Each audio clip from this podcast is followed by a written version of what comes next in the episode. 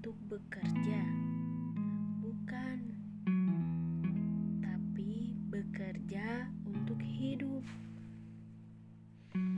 Sebuah tanggung jawab terhadap dunia bisa jadi untuk bekal akhirat. Apakah tujuan bekerja itu uang?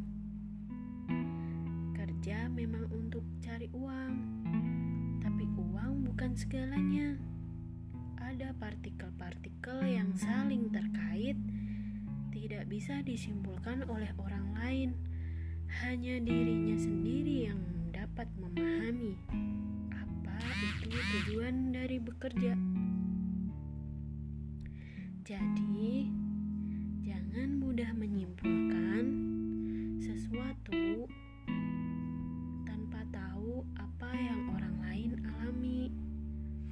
Oke. Okay.